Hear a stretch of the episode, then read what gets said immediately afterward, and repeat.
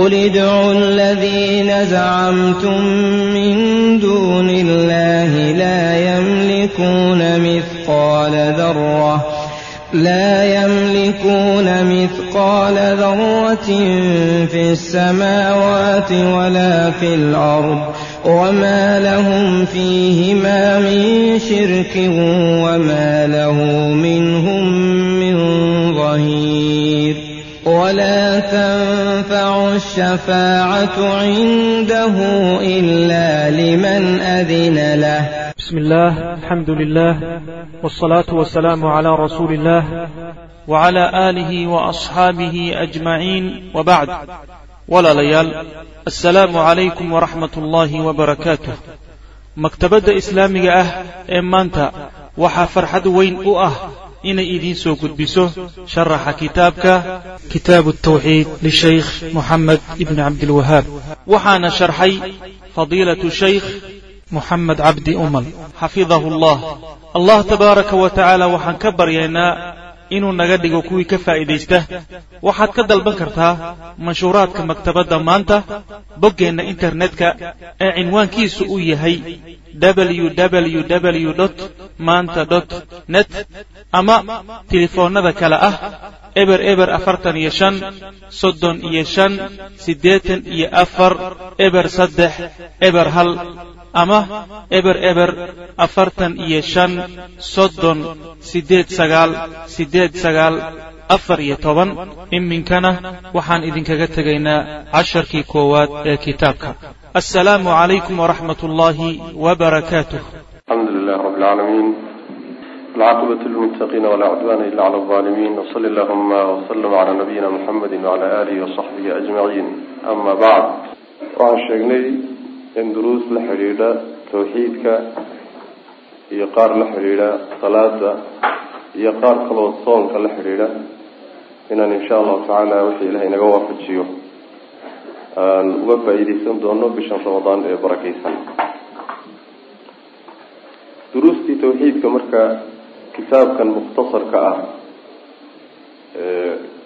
hadda aan gudagelayno ayaan insha allahu tacaala wixii ilaahay naga waafajiyo kaga faa-iideysan doonaa.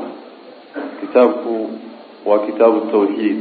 Kitaabka magaciisa la yidhaahdo waxaa iskale sheekh moxamed ibn cabdilwahaab wuxuu caan ku yahay kitaabka horta magaca la yidhahdo waa kitaabu tawxiid. Laakiin wuxuu caan ku yahay oo dadku u yaqaanaan fatxulmajiid fatxulmajiid baa la yidhahdaa.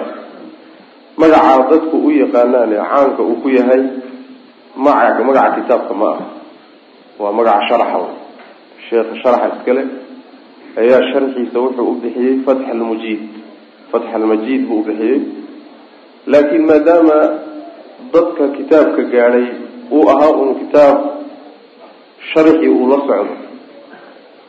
Kor kale ay kaga taalo fatx almajiid ayaa waxaa loo qaatay magaca matniga iyo magaca sharaxa labadaba in la isku yidhaahdo fatx almajiid in la yidhaahdo. Kitaabu tawxiid hadda hadaad tidhaahdo inta kuu garan baaba iska yar xataa awsaada dalabatulcilmi kitaabu tawxiid la garan maayo.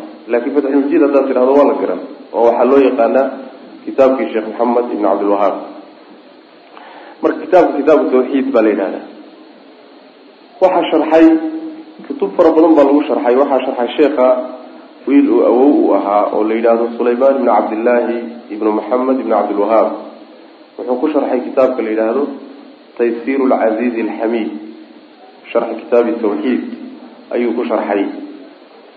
Shuraaxdiisa waxaa ka mid a aadka u qiimaha badan sharaxan la yidhaahdo fatxulmajiidka oo uu leeyahay cabdiraxmaan ibn xasan al sheikh waxa uu u yahay kitaabka sharaxa hore ubu ikhtisaar uu yahay taqriiban saas wey sharaxa sheekaasaa ka horreeyey kaasuu marka soo gaabiyey oo tahdiid iyo waxoogaa ku yara sameeyey.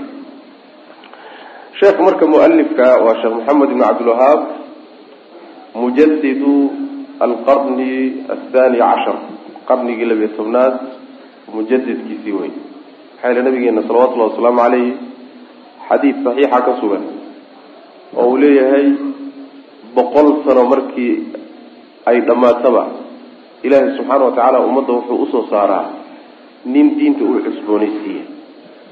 Oo wixii la khalday iyo wixii laga leexday iyo dadka dib ugu soo celiya iyuu ilaahay ummadda u soo saaraa. Sheekha markaa sheekh maxamed bin cabdilwahaab dhalashadiisa waxay ahayd kun iyo hal boqol iyo shan iyo toban taariikhda milaadiga markay ahayd buu dhashay. Dhimashadiisuna waxay ahayd kun iyo laba boqol iyo lixdii yani qarnigii saddex iyo tobnaad awaa-ishiisa yuu geeriyooday. Noloshiisu marka qarnigii labiyo tobnaad bay ahayd.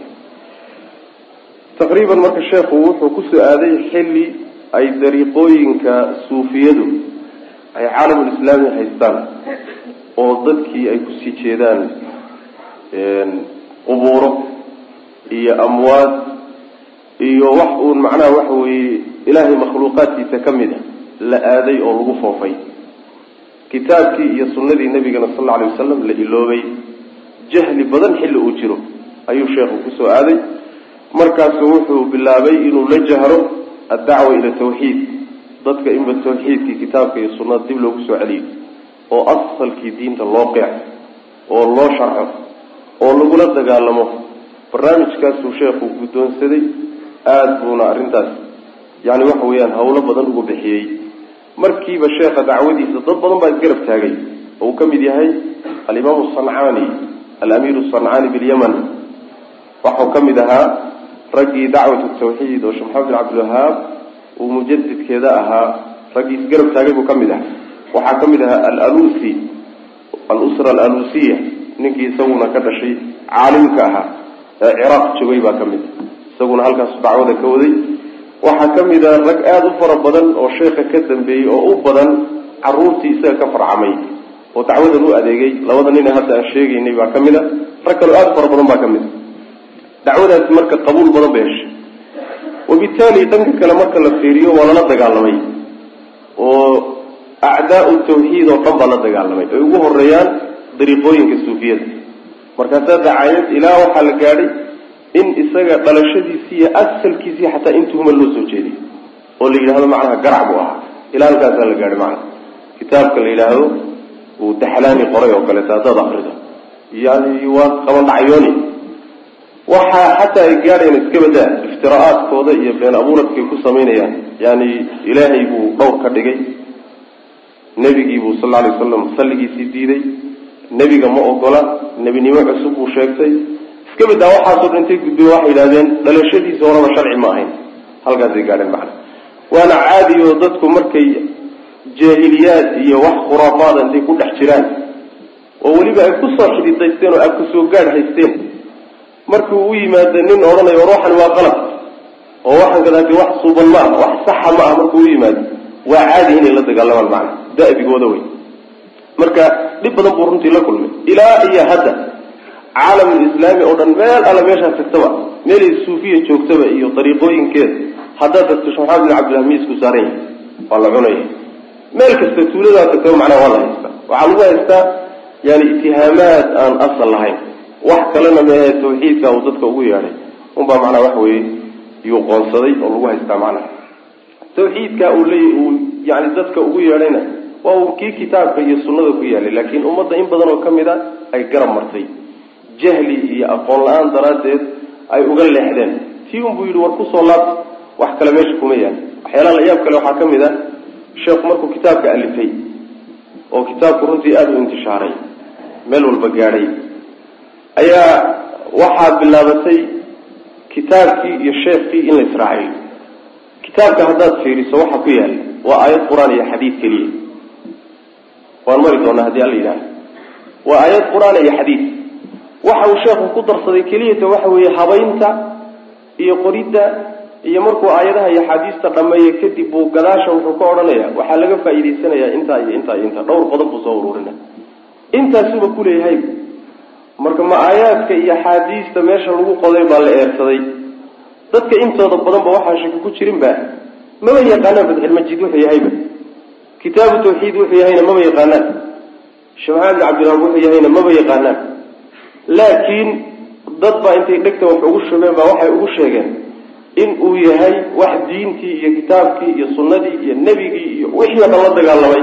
Saa daraaddeed in layska jira inay waajibto kitaabkani marka ninkii horay u yaqaanayna waxun buu ka faa'iidaystay ninkaan horay u aqoonin oo ka didsanaana yani barasho ka hor hay nicin bay soomaalidu tiraahdaa bal inuu isaga laftiisa wax ka ogaato bal inaad wax ka ogaato waxa meesha ku yaalla intaadan carabin oonan fiigin waxa haboon bal inaad isdul taagto o tiraa war waxan horta maxaa ku yaalla? Waxay dhihi jireen nin baa waxaa yani kitaabka oo ciwaankiisa wato sidan oo kale ah yaa nin loo keenay nin carabiga yaqaano wuxuu ahaa qolyahan duruqda mid ka mid ah. Kitaabkii oo ciwaanka wato markii loo dhiibay yuu diday ninka kitaabka u dhiibay waa wuxuu nin aada xakiim u ah. Kitaabkii intuu galka kor ka gooyey oo ciwaankii ka jaray ayuu wuxuu u keenay kitaabkii oo ciwaan la'aan ah. Markaasuu yidhi bal kitaabkan soo akriniyo kitaabkii buu qaaday wuu soo akriyey wuxuu yihi niyo waxa ku yaalaay khayr mooye wax kaleba kuma yaal. Markaasuu yidhi kitaabkii aad ka cararaysay mar dhowdaan kuu keenay ee magaciisu fatxulmajiidka hawaakan bu war khayr kuma yaalla idhaaf bu yidhi marka. Wax ku yaalla shar mooye wax kale kuma yaalla idhaaf sidaas waaye marka magacaas hore in laga dido mooyaane waxaa gudaha ku yaallay waa uun kitaabka alle iyo sunada nabiga sal alay waslam axaadiis iyo aayaad qur'aan wey macnaha daraasada marka tawxiidka la daraaseeya waa masale muhima weye oo waa loo baahan yahay ruux haba yaraatee tawxiidka ka dhargi jiraan ka dhargi karana maba jiraba. Waa cilmi aada u ballaadhan culumta ugu daqiiqsan buu ka mid yahay. Saa daraaddeed xilli la dhaafo iyo garaadagoyn laga garaadagooyey maba jirtaba dadka qaar baa waxay laga yaabaa inay isleeyihiin war kitaabu tawxiid weligii baa la akrin jire xerta yaryar baaba hadda akrida muxuu sheekhu isugu lugeyni war tawxiidka lagama dhargo nabigeena salawatullahi wasalaamu caleyh maalmihii ugu dambeysay uu sii geeriyoonayay ummadda tawxiidku kala dardaarmay nabigu salawatullahi wasalaamu caleyh waa maalmihii ugu dambeysay fi xayaati bacda bidca wa cishriina sana. Dhowr iyo labaatan sano markuu dadka uu tarbiyinahayo waxbarayay ayuu raggiisii nabigu tawxiidka kala dardaarmaya salawatullahi waslamu caleyh markuu sii geeriyoonayay marka wax laga dhargama maa yaa ayuha aladiina aamanuu aaminuu billahi warasuulih ayagoo iimaan ilahay uga markhaati kacay ayaa haddana waxaa lagu yidhi aaminuu billahi warasuulih marka iimaan baa loo qiray ku sugnaada waay. Ku sugnaada oo iimaankii iyo islaamnimadii iyo tawxiidkii sii haysta waay. Barashadeedu marka waa muhiim wey sheekhu kitaabka wuxuu ku bilaabay bismi illaahi araxmaani araxiim nusakda kitaabka qaar ka mid ah. Bisinkaa kadibba wax kale sheekhu muusan sheegine kitaabu tawxiid wuxuu ku bilaabay un kitaabu tawxiidi wa qawli illahi tacaala oo alxamdu lilahi rabbi alcaalamiin wasalaatu wasalaamu calaa rasuulillah xamdaladii iyo salcamadii iyo wuu ka tegey. Nusakda qaarna waxay leeyihiin oo waxay qorayaan sheekhu inuu bismi illaahi araxmaani araxiim alxamdu lilahi rabbi alcaalamiin wasalaatu wasalaamu calaa rasuuli illah inuu macnaha yidhi ayay nusakda qaarkoodna qorayaan bisinka oo marka kutubta lagu bilowdaayo waxaa lagaga dayanaya kitaabka qur'aanka. Ah bismi illaahi araxmaani araxiim waxaa kaleeto oo lagu dhaqmayaa axaadiista qaarkood oo nabigeena ka sugan salawatullahi wasalaamu calayh oo nebigu markuu waraaqa qorayo boqorada oo kale markuu waraaqa u qorayo bismi illaahi araxmaani araxiim buu ku bilaabi jiray. Axaadiis kaleetana waa jiraanoo odhanaya wixii aan bismi illaahi lagu bilaabin baraka ma laha. Inkastoo axaadiistaas muxadisiinta qaar ka mida way daciifinayaan qaarna waa taxsiininayaan ragga taxsiininaya waxaa ka mid a ibnu salax iyo alimaam nawowi iyo rag noocaas oo kale ah yaa xadiidkaa taxsiininaya. Ayib kitaabkiisa marka sheekhu wuxuu ku magacaabay kitaabu tawxiid. Kitaabu tawxiidi wa qawli llahi tacaala ayuu yidhi. Kitaabka waa la iska yaqaanayo waxaa la yidhaahdaa waa waxa la qorayna waa la dhahaa gacantaadaad ku qorayso. Shayga la qorayana kitaab waa la dhahaa shayga la qoray waxa lagu qoray ee gudihiisa uu ku jirana ee waraqahana kitaab waa la yidhaha waxaa laga wadaa qoraalkii sheekhu uu sameeyey meeshuu ku ururiyey isugu geeyey baa kitaabka la yidhahda tawxiidkuna waa mawduucu ku saabsan yahay kitaabku tawxiidku waa mawduuca uu kitaab ku saabsan yahay. Waxaa laga keenay min waxada shay-a shaygii buu keli yeelay idaa jacalahu waaxidan. Shayga markaad hal mid ka dhigto oo ku labaad iyo ku saddexaad iyo garabkiisa aad ka saarto keligii aada soo taabtaa la yidhahdaa waxada shay halkaasaa laga keenay. Waa luqa ahaan isdilaaxan tawxiidka waxaa la yidhahdaa ifraad llahi bima yakhtasu bihi min alrububiyati waluluhiyati walasmaai wasifaat ilahay oo loo keli yeelo waxyaalaha uu goonida ah ilahay addoommadiisa markuu abuuray waxyaaluhu gooni leeyahay waxyaalaha ilaahay goonida uu leeyahay oo keligii loo daayo oo ay ka mid tahay waxyaalahaasi waxyaalaha rububiyadiisa iyo uluhiyadiisa iyo magacyadiisa iyo tilmaamihiisa iyo sifaatka uu leeyahy waxyaalahaasoo ilaahay loo gooniyeelo ayaa tawxiidka la yidhahda isilaaxaantaasa la yidhahda culimada islaamku marka tawxiidka way qaybiyaan oo waxay u qaybiyaan mar laba qaybood bay uqaybiyaan marna saddex qaybood bay uqaybiyaan mar laba qaybood baa loo qaybiya waxaa la yidhahdaa tawxiidun fi lmacrifati walitbaat wa tawxiidun fi alabi waalqasdi labadaas qaybood qolaa uqaybisa qolada saddex bay uqaybiyaan oo waxay yidhahdaan tawxiid aluluhiya walrububiya walasmaa wasifaat saddexdaana waa loo qaybiyaa. Qaybta hadda mashhuurkee aada loo yaqaano waa qaybta saddexda. Saddex qaybood oo alrububiya waluluhiya walasmaa wasifaat saddexdaasi loo qaybiyo ayaa la yaqaanaa rububiyada waxaa la yidhahdaa ifraad ullahi bilkhalqi waalmulki waaltadbiir ilaahay in loo gooni yeelo abuurka inuu uunka isaga keligii abuuray in loo gooni yeelo oon cid kale arrintaa lala wadaajin. Mulkiga iyo boqortooyada addoommada iyo uunkana in loo gooni yeelo oo cid kale wax mulkida ama gacan wax ku haysta aadan rumaynin.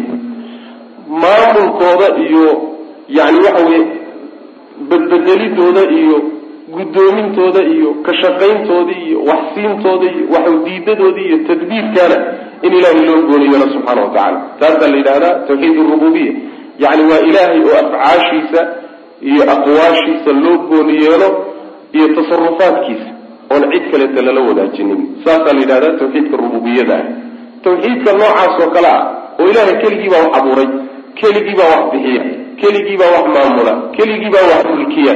Cid kaleeta wax gacanta kuma hayso. Tawxiidka noocaas oo kaleeta ah kulli waa laysla ogolyahay. Cidina doodi kama taagnaa cid ka doodsan. Ama ilaahay jiritaan jiritaankiisa ama arrimaha inuu gooni leeyahay way yar tahay.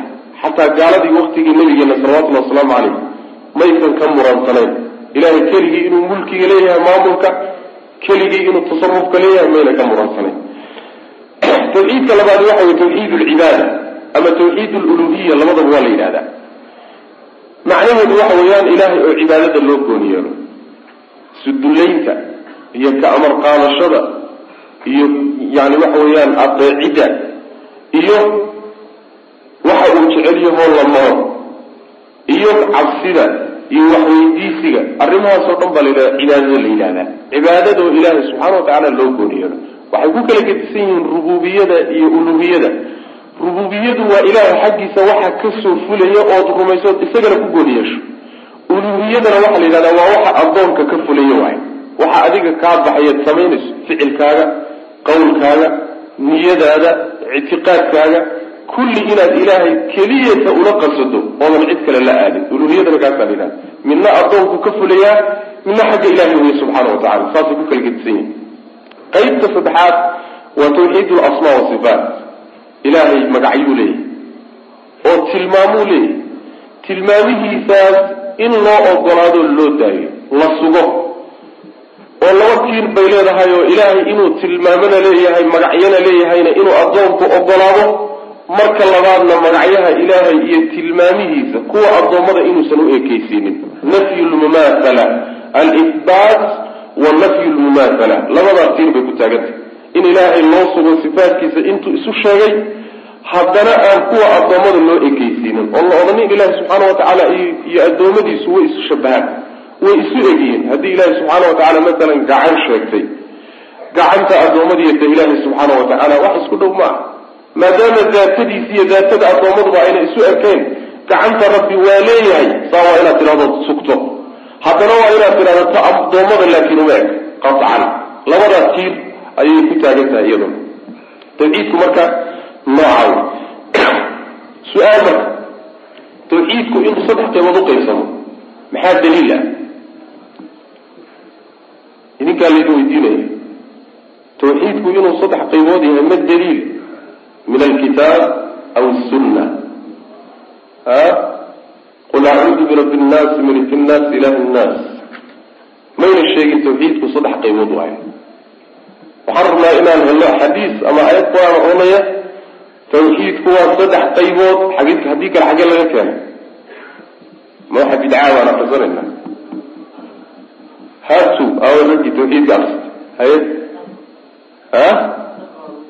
tatabba maasha allah jazaka allah khayr waxaa lagu ogaaday min khilaali listiqraa wa tatabuc nusuus markii adilada qur'aanka iyo sunnada la dhex galay oo aada loo baaray ayaa waxaa la ogaaday mawduuca ay ka hadlayaan aayaadkii axaadiistu inay saddexdaa mawduucun yihiin. Tawxiidka marka la yidhaah saddexdaa mawduuc. Ama rububiyu tawxiidku ku saabsan yahay ama uluhiyu ku saabsan yahay ama asmaa wa sifaat buu ku saabsan yahay. Marka waa baadhis guud oo wakti dheer qaadatay oo dadaal badan iyo juhdi badan qaadatay natiijadii ka soo baxday ayaa waxay noqotay altawxiidu halaathatu aqsaam.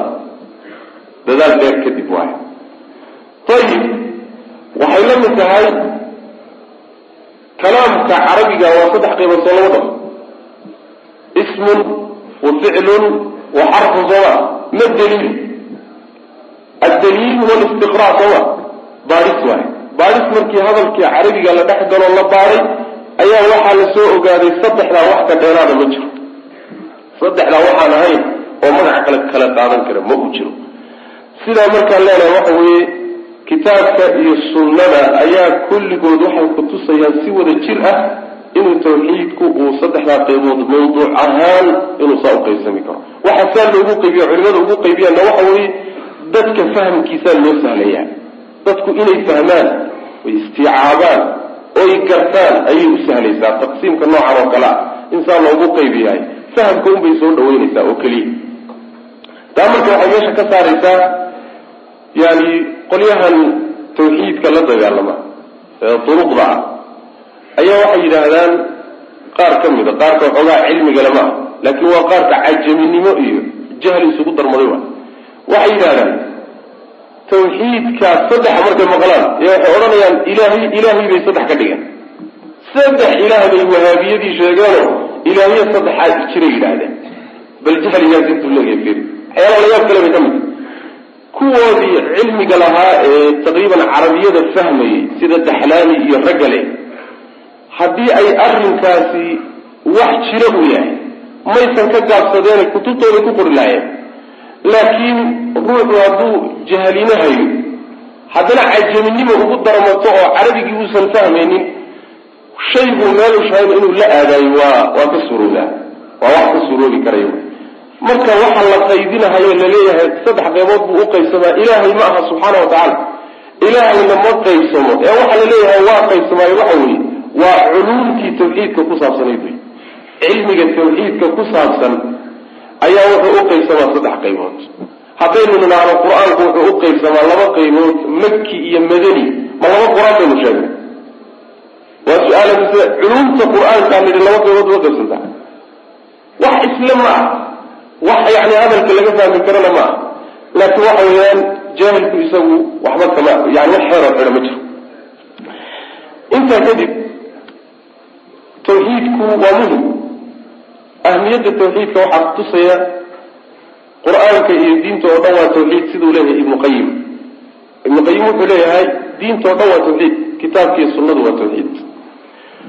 Maxaa yeelay qur'aanku ama wuxuu ka warramayaa ilaahay iyo magacyadiisa iyo sifaatkiisa iyo afcaashiisa iyo aqwaashiisa. Kaana waa tawxiidka la yihahdo atawxiid alcilmi alkhabari. Ama meehe dadka ayuu qur'aanku wuxuu ugu yeedhayaa ilaahay keligii in la caabudo oon cid kale cibaadadiisa lala wadaajinin wax kastoo ilahay ka soo hadho la caabudana in la tuuro. Kaasina waa tawxiidka la yihahdo atawxiid aliraadi alalabi tawxiid aluluhiya waay ama meehe qur'aanku waa amar iyo nahyi warsaa yeela oo saa daaya oo ilaahay daacadiisa iyo rusushiisa daacadooda mara. Kaana waxaa la yidhahdaa bu yihi xuquuqu tawxiid wa mukamilaatihi waa tawxiidka xuquuqdiisii iyo waxyaalihii dhammaystiraya waay. maxaa yeelay ilaahay baa keli a markaad tidhaahdo. macnaha keligii baa laga amar qaataayo la adeeca oo la raaca ama qur'aanku wuxuu ka warramayaa dadka ahlu tawxiidka ilaahay siduu aakhare u karaamayn doono iyo adduunyada sida uu u cizayn ee ugu gargaari taasuu ka warrami taana waxaa la yidhaahdaa waa tawxiidka abaalgudkiisii waay tawxiidka dadkii la yimid abaalgudkoodii wey adduunka ay ku leeyihiin ama aakhara ay ku leeyihiin. Ama mehe qur'aanku wuxuu ka warramayaa shirkiga iyo mushrikiinta iyo ciqaabtay adduunka ku leeyihiin iyo cadaabka aakhira ay ku leeyihiin. Taana waa ciqaabta dadka tawxiidka ka tagay ciqaabtay leeyihiin. Oo abaalgudka ay leeyihiin dadka tawxiidka garab maray. Qur'aanku marka kulligii waa tawxiid. Bal meel waaduu ka maray. Kulligii waa tawxiid meelmeelsan waay. Sidaa marka la yidhahdo saas daraaddeed ilaahay subxaana wa tacaala tawxiid buu kutubtiisa la soo dejiyey marka la yidhahdo saasaad ku garan karta amarkii iyo nahyigii iyo qisaskii iyo kulli. Cadaabkii la sheegaya ciqaabtii ahlu jannihii iyo ahlu naar iyo kulli waxay salka ku haysaa. Tawxiidkaa unbay salka ku haysaa macnaha intaa kadib waxa uu sheekhu ku bilaabay kitaabkiisa. Wuxuu yihi kitaabu tawxiidi wa qawli llahi tacala wama khalaqtu ljina walinsa ila liyacbuduun kitaabu tawxiidi iyo wa qawli llahi wa waxay ku cadfan tahay ku cadfan tahay waxay noqonaysaa kitaabu tawxiidi hada midkani kitaabu tawxiidi waa kitaabkii tawxiidka ka hadlayay wa kitaabu qawli llahi tacaala iyo kitaabkii ka hadlayay ilaahay qowlkiisa oraahda ilaahay uu yidhi wamaa khalaqtu ljina walinsa ila liyacbuduun. Saas way maana oo wa waa majruur. Ama waxaa laga dhigi karaa mubtada khabarkiisu xaseeyo wa qawlu llahi tacaala wamaa khalaqtu ljina walinsa ila liyacbuduun hada maxaluhu booskiisii waa kana waa la dhihi karaa. Wamaa khalaqtu ma aanan abuurin buu alla odhanaya subxaana wa tacaala aljinna shinniga maanan abuurin walinsa iyo insigii ila liyacbuduuni inay caabudaan mooye. Sheekhu hadalkiisaba kama hormarinin kitaabka ilaahay aayad ka miduu soo qaatay aayaddu waxay tilmaamaysaa xikmadda iyo ujeeddada ka dambaysa abuurista jinniga iyo insiga. Maxaa loo abuuray? Waa su'aal weyn wey maxay tahay ujeeddada ka dambaysay in insiga iyo jinniga la abuuro waxaa loo abuuray lilcibaada inay ilaahay caabudaan subxaana wa tacaala xikmaddii abuurkay marka kutusaysaa ujeeddadii abuurka. Waxaa weliba ay kutusaysaa cibaadada ilaahay keliguun inay caabudaan bay aayaddu faa-ideyno ila liyacbuduun waxaa la yidhahdaa waa istinaa mufaraqa la yidhahda carabiga istinaa mufaraqana waxa weeyaan waa istinaha aan la sheegin mustatnaa minhugii lama sheegin sidaa daraaddeed waxa la yidhahda min acami alaxwaal baa la yidhahda min acami alaxwaal macnaha aayaddu waxay noqonaysaa wamaa khalaqtu ljina walinsa lishayin min alashyaa ila lilcibaada insiga iyo jinniga maanan u abuurin wax yar oo xataa waxyaabaha ka mid a uma abuurin ilaa cibaadada mooyaane wax kaloo loo abuuray haba yaraatee ma jiro oo aan cibaadada allah ahayn subxana wa tacala saasay macnaha aayaddu faa'ideynaysa saas daraaddeed buu ilaahi subxaana wa tacaala ibni aadamka wuxuu u siiyey caqliga u siiyey oo rususha loo soo diray oo kutubta loo soo dejiyey. Si cibaadada ilaahi subxaana wa tacala addoommada uu abuuray loogu qeexo oo loogu cadeeyo macna. Cibaadadii maxay tahay marka? Markuu ilaahay sheegay in cibaadada uu abuuray iyo wuxuu ka dambaysiiyey sheegid uu sheegayo inuusan u abuurin inay isaga wax u taraan daraaddeed. Wax tar ay aniga wax ii tarayaan uma abuuranin. Maa uriidu minhum min risqin wamaa uriidu an yutcimuun ina allaha huwa arazaaqu dulquwati lmatiin wax tar aniga inay wax ii taraan oo nafci iyo maslaxa aniga isoo gaadhsiiyaan uma abuurin. Laakiin maxaa loo abuuray? Cibaadaa loo abuuray. Cibaadadana ayagaa loogu danayne ilaahay subxaana wa tacaala wax dana uguma jirto. Wax faa-ido ilaahay uga laabanaysana ma jirto subxana wa tacala maxaa yeele waa haniyun cani alcaalamiin addoommada dhan bu ilahay ka maarma haddaan wada gaalowno iyo haddaan wada islaamno labada midna ilaahay maynaan dhibin dheefna ilahay maynaan u kordhinin subxana wa tacala sida xadiidka nabigu tilmaamaya salawatullahi wasalaamu caleyh laakiin ilaahay addoommada wuxuu cibaadadaa ugu abuuray inay iyagu ku intifaacaan oo iyagu ka faa'iidaystaan. Oo abaalgud aakharo iyo wanaag adduun inay ku gaadhaan buu ilahi subxana wa tacala ugu talagalay. Cibaadadaasaa loo abuuray marka cibaadada maxaa tahay marka cibaadada addoommada loo abuuray maxay tahay? Cibaadada waxaa la yidhaahdaa asalkeeda in addoonku isdulleeyo oo uu isliido oo uu isxaqiro isagoo ilaahay ka amar qaadanaya wuxuu farayna la imaanaya wuxuu ka reebayna ka tegaya markii ilaahay amarkiisu yimaado iyo nahyigiisu addoonku inuusan kibir iyo isla weynan uusan ku jirin uu isdhiibo oo uu hogto oo uu macnaha isdulleeyo oo uu dareemo addoonnimo. Inuu dullinimadaa qaato oo amarka alla subxaana wa tacaala dullinimo ku qaato isagoo isdulleynaya cibaadada asalkeedu saas wey waxayna ka timaadaa jacayl iyo weyneyn qalbigaabay ka soo fushaan waxayna marka noqotaa acmaal iyo aqwaal iyo afcaal ilaahay uu jecel yahay subxaana wa tacaala oo raalli gelinaysa. Taas way macana waxa ilaahay loogu dhawaado waa camal ama waa hadal ama waa ficil ama wax qalbiga ku jira oo ilaahay uu jecel yahay oo raalli gelinaya. Waa waxa ilahay loogu dhawaanayo cibaadadaawo taana waxaa lagu garan karaa sharciga ilahay baa laga garan subxana wa tacala shaygana ma cibaada mise cibaado ma aha. Kitaabka alla iyo sunada nabi sal alay waslam un baa laga garan karaa wy maana ayib saas daraadeed baa caliy bni abi aalib iyo mujaahid imaam shaafici waxay leeyihiin alcibaadatu hiya almru wannahyu cibaadadu wax kalaba ma waa amarka alloo la qaato iyo wuxuu kaa reebo laga hadho way waa taqwada oo kale la macno tahay saasay leeyihiin mana saas weyaan marka aayadda waxay tilmaamaysaa ilahay inuu cibaado addoommada u abuuray. Ayib haddii ujeedada ilaahay uu addoommada u abuuray ay cibaado tahay qaar badan oo ujeedadii aan fulinin soo ma jiraan. Kuwa wixii loo abuuray aawa ilaahay waa loo abuuray markuu leeyahay ah oo qadari ah oo uu ku qasbay oo cid walba aynan ka fakan karin meehe markii ilaahay uu saa ugu talagalay ayuu haddana ilaahay khiyaar siiyey subxaana wa tacala iyagaa khiyaar la siiye waxaa la yidhi wartaana ilaahay bay raalli gelin. Waxaasina ilaahay uu ka cadhaysiino wuu xumayn. Idinkaa markaa kadib khiyaar leh ama taa qaata ilahay aada ku raalligelinaysaan ama taa ilahay u necmiyay subxana wa tacala mara taas saa daraaddeed bay marka addoommadu ku qaybsameeno laba qaybood ay ku noqdeen macana wa qawlihi tacaala waxaa kaloo kitaab uu yahay qawlihi tacaala walaqad bacatna fi kulli ummatin rasuula an icbudu llaha wajtanibu taaguut walaqad bacatna xaqiiqee waxaanu dirnay fii kulli ummatin koox walba oo dadka ka mida waxaan u dirnay rasuulan rasuul baan u dirnay. An icbudu llaha ay icbudu llaha baan la dirnay rusushii oo caabuda alle oo wajtanibuu ka fogaada ataaguuta ka xaddiisa la tilaabiyey ka fogaada. Ka xadkiisa la gudbiyey. Ka fogaada saasaan rususha la dirnay. Ummad walba rasuul baan u dirnay bu alla subxana wa tacala ummadda waxaa la yidhahdaa fi lqur'aan qur'aanka kelimada umma la yidhahdo waxay ku soo aroortay afar man macno oo kale gedisan. Macnaha koobaad alumma oo bimacnaa daaifa laga wado daaifa min annaas.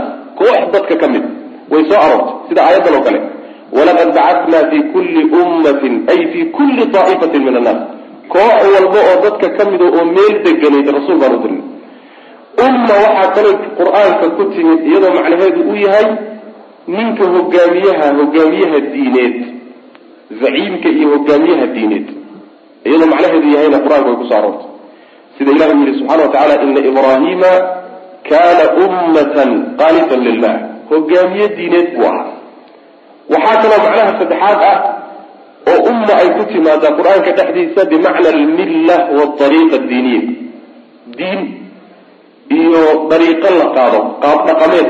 Iyadana waa ku timaadaa inaa wajadnaa aabaa'ana calaa ummatin wa ina calaa aathaarihim muhtaduun ummadaa waxaa laga wadaa diin iyo caadaan ka soo gaanay dhaqan. Macnaha afraaday ku timaada waxa weeyaan bimacna zaman wakti yani muddo waktiga ka mid sida ilah u yihi subxana wa tacala fi suurati yuusuf wadakara bacda ummatin wadakara bacda ummatin yani bacda fatratin min azaman wakti kadib ayuu xusuustay. Fariintii nabiyullahi muusa nabiyullaahi yuusuf calayhi salaam uu ka soo qaaday. Ninkii macnaha boqorka u yimid waay. Marka kelimatu umma halka waxaa laga wadaa koox walba oo dadka ka mid a ilaahay rasuul buu u diray subxaana wa tacaala. Rasuulkaana waxaa loo sii dhiibi jiray rusushoo dhan laba kelimo ilaahay caabuda addoomow daaquudkana ka fogaada. Ilaahay caabuda garanaya daaquud ka fogaada maxay tahy daaquudka waxaa la yidhaahdaa sida uu leeyahay ibnu qayim hadalkaasa ugu fiican tacriif laga bixiyo. Waxaa la yidhahdaa kullu ma tajaawaza bihi alcabdu xaddahu min macbuudin aw matbuucin aw mutaac wax walba oo addoommadu ay xadkiisa gudbiyaan oo ama cid la raacsan yahay ah ama cid la caabudaya ah ama cid laga amar qaadanaya xaddiisana la tilaabiyo. Waxaa la yidhaha daaquud baa la yidhaha. Ibliis iyo shaydaan baa marka ugu weyn. Waxaa ku jira culamaau suu culimada xukunkee lagu raacsan yahay waxaan sharciga ahayn. Madaxda iyo hogaamiyeyaasha iyo odayaasha lagu raacsan yahay ee lagu adeecsan wax diinta ilaahay garab marsan dawaaqiidda kuwaasaa la yidhaha.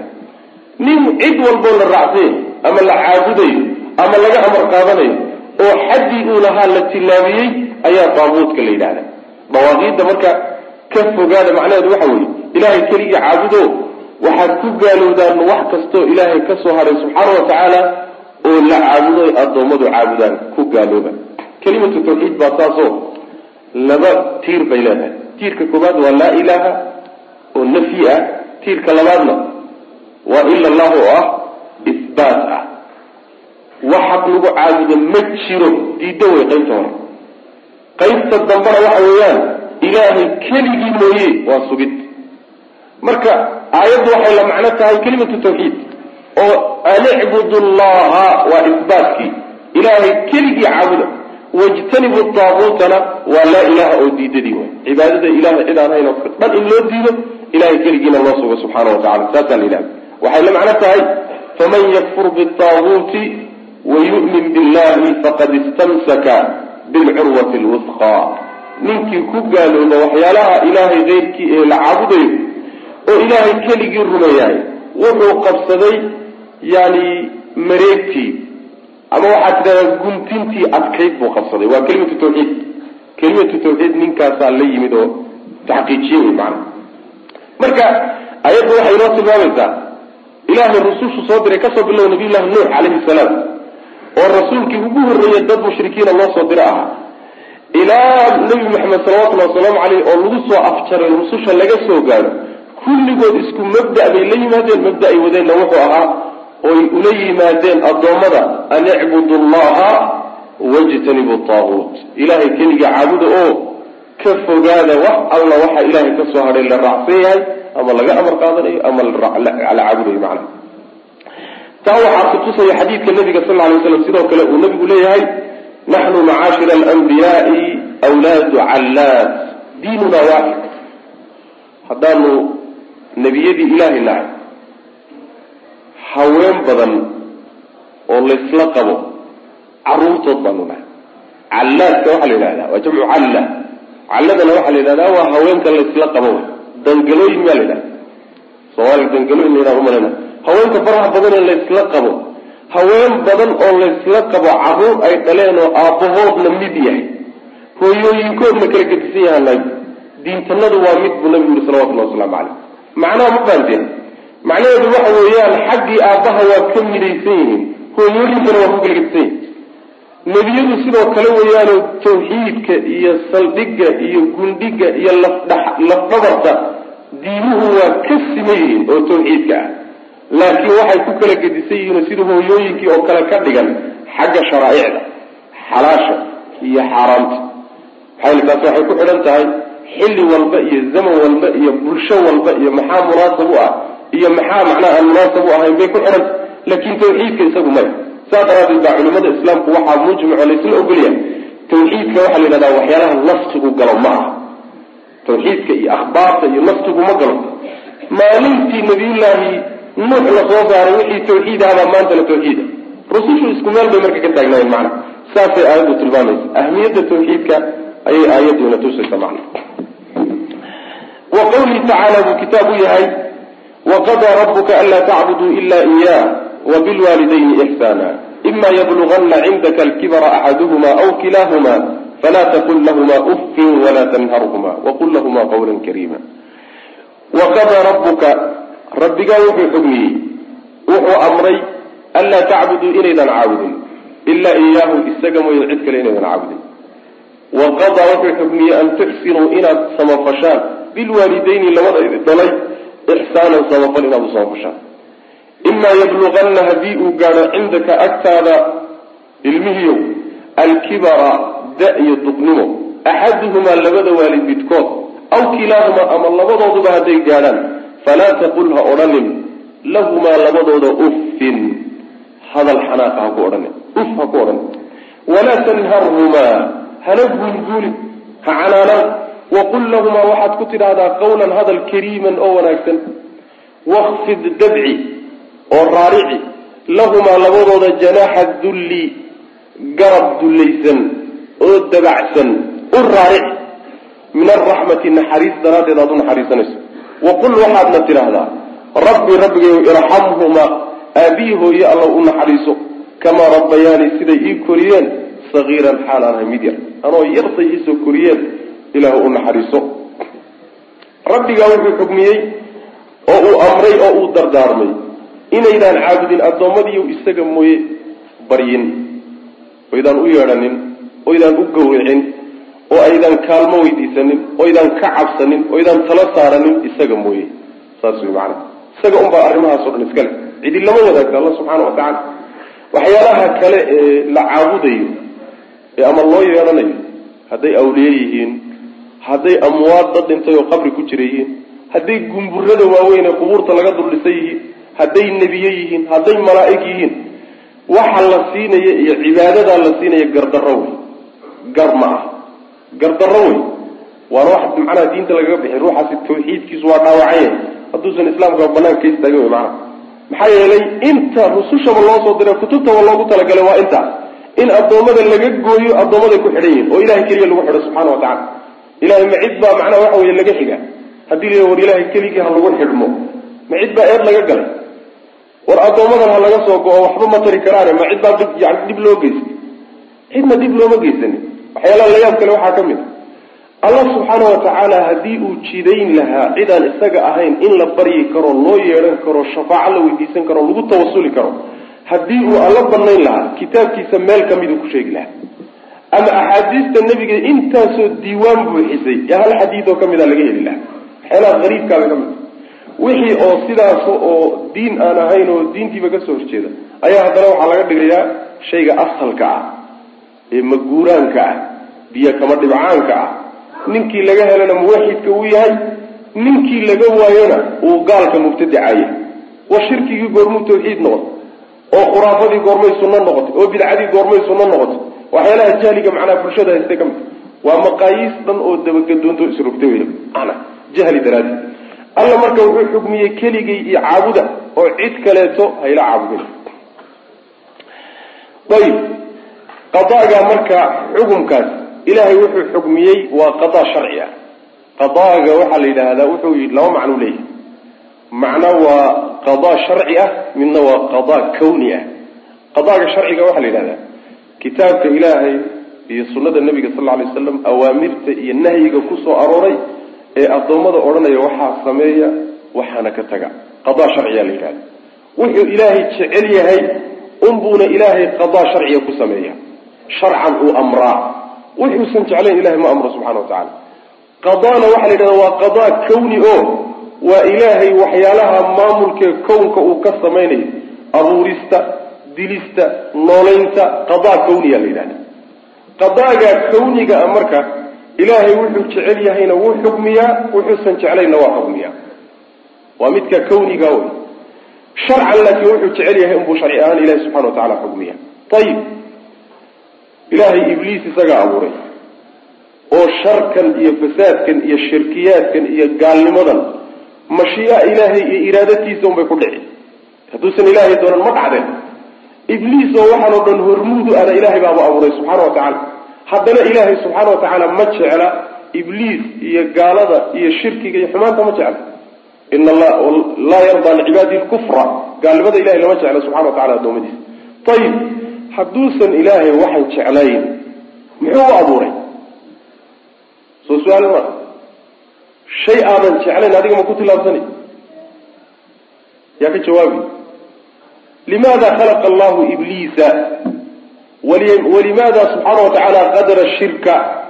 Walimaada qadaa hadihi lashya maca ana dalika laa yuxibuhu ma jecla ilahi subxana wa tacala waa nacib yahay muxuu u xukmiyey muxuu u qadaray garanay tuu jecel yahay oo sharcigiisa oo adoomadiisa kuwa uu jecel yahay garanay.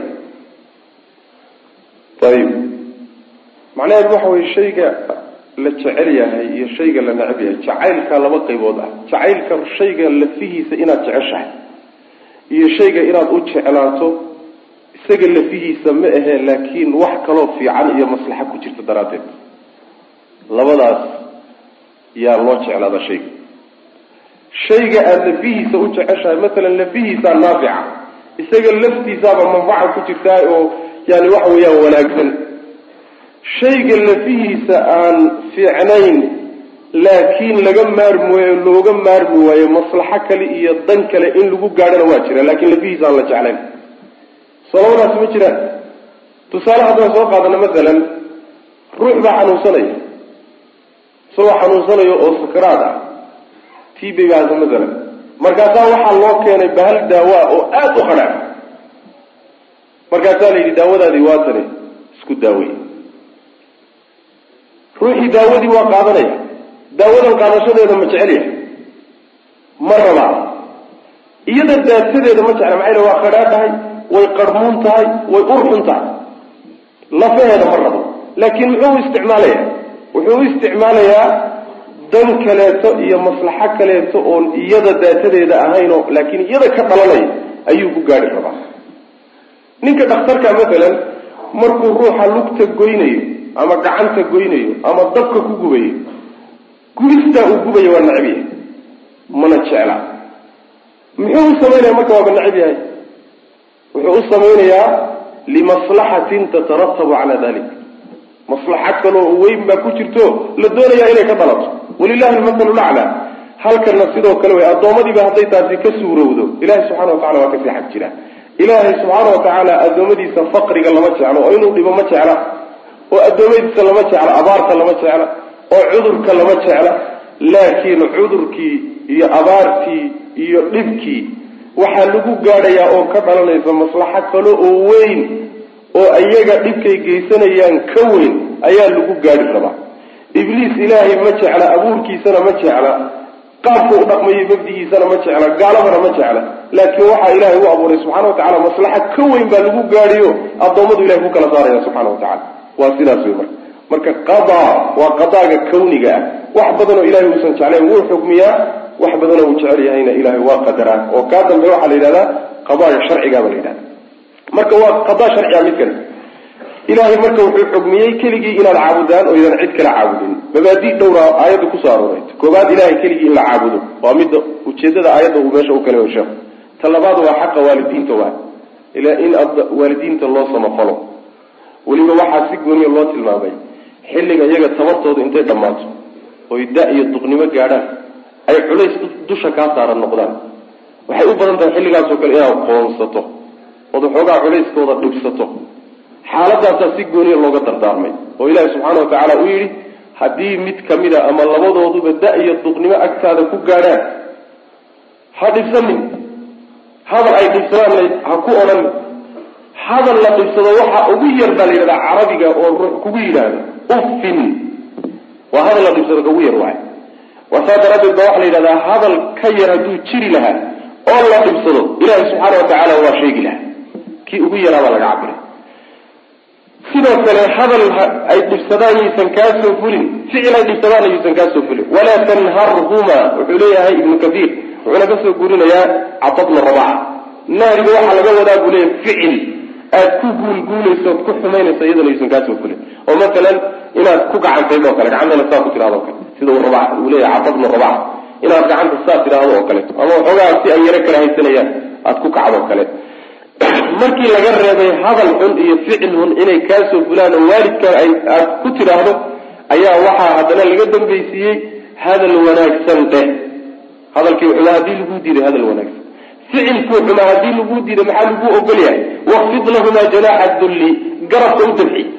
Garabka u dabci waxaa laga soo qaatay yidhahda shimbirtaa markay ilmaheeda ay ku dul fadhido ama ay dushooda ku soo degto ama ay macnaha waxa weyaan ay wax siinayso ayay garbaha u raaricisaa garbahay macnaha waxa weyaan saas u fidisaa iyadoo weliba aada u muglaynayso kakanaantiiyo ad adaygiyo dhan bay ka saari. Marka waxaa laga wadaa dabeecadaada iyo akhlaaqdaada iyo dhaqankaaga wixii aday ku jiro dhan intaad ka saarto. Wax dabacsan ka dhig waalidiinta markaad la tacaamulayso waalidiinta markaad la tacaamulayso u duceeyo waxaad tidhahdaa ilaahu u naxariisatay ii ay barbaariyeen. Waagaan yaraa. Ilan adigoo waxba ahayno qaawan oo yani waxa weye waxba aan qabsan karin oo haddii meeshaa lagu dhigo iska baktiy oo aan biyo agtaada yaa la raadsan karino yay ku soo koriyeen oy meeshaa kaa soo qaadeen. Maanta waxaa kula gudboon tii oo kaleeta inaad mariso macna. Tii oo kale ila ilmahay hadda ku laabteen adiguna xoog baad leeda meeshay kaa soo qaadeen bay yaallaane. Ka qaad baa lagu leeyay macna. Nusuus badan baa marka ku soo arortay waa xaqa labaad ee ilahay xaqiisa ku xigay subxana wa tacala xaqullah oo ka ugu horreeya xaqulwaalideyn buu ilahay ku xijiya subxana wa su'aal aaway xaqii rasuulku sal alay waslam soo xaqa waalidiinta kama weyne xaqii rasuulku waa ka weyna xaqa waalidiinta lama sheegin qur'aankana inta badan xaqa ilahay marka la sheego xaqa alwaalidiin baa lagu xijiya oo xaqii rasuulka xaggee la geeyey ya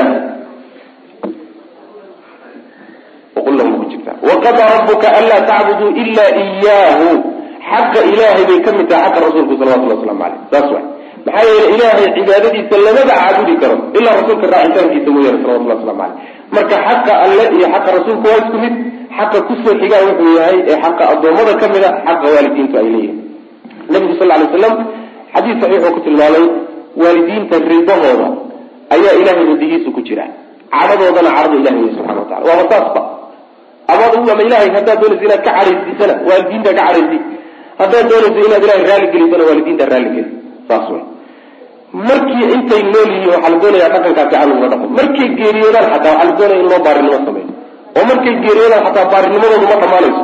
Waxyaalaha leeyihi waxaa ka mid a matalan nabiga sal lay slam nin baa u yimi wuxuu yihi nabi anagoo nabiga la fadhina. Sayidina saacidi ninkaasaa warinaya anagoo nabiga la fadhina ayaa nin baa u yimi buyi markaasuu yihi rasuulka ilaahay labadaydii waalid markay dhinteen kadib wax dambe oo intay iyagoo qabriga ku jira waxaan ugu baarinimo samayn kara ma jiraan. Markaasuu yidhi ha u ducee buui ducadu waa ko talabaad ilahay inaad dambi dhaaf u weydiiso. Ilahay u dambi dhaaf. Ta saddexaad ballankoodii iyo dardaarankay ka tageen inaad fuliso. Ta afraad qaraabadii iyaga uu lagu xidhiidhin jiray oo iyagu markay joogaan uga soo dhaweyn jiray iyagu markay dhinteenna la halmaamay inaad qaraabadaa xidhiidhiso. Taqriiban waa qaraabada xaggooda ka imaanayso. Ta shanaadi waxa weeyaan saaxiibadood labada waalid saaxiibaday lahaan jireenna ayagana inaad wanaag u samayso. Kullu dalika waxay ka yimid yihiin waxyaalaha waalidiintu markay geeriyoodaan kadib loogu samafali karo wanaagga loogu samayn karay waqadaa rabbuka rabbigaa wuxuu xugmiyey wuxuu amray anlaa tacbuduu inaydaan caabudin ilaa iyaahu isaga mooye cid kale inaydaan caabudin.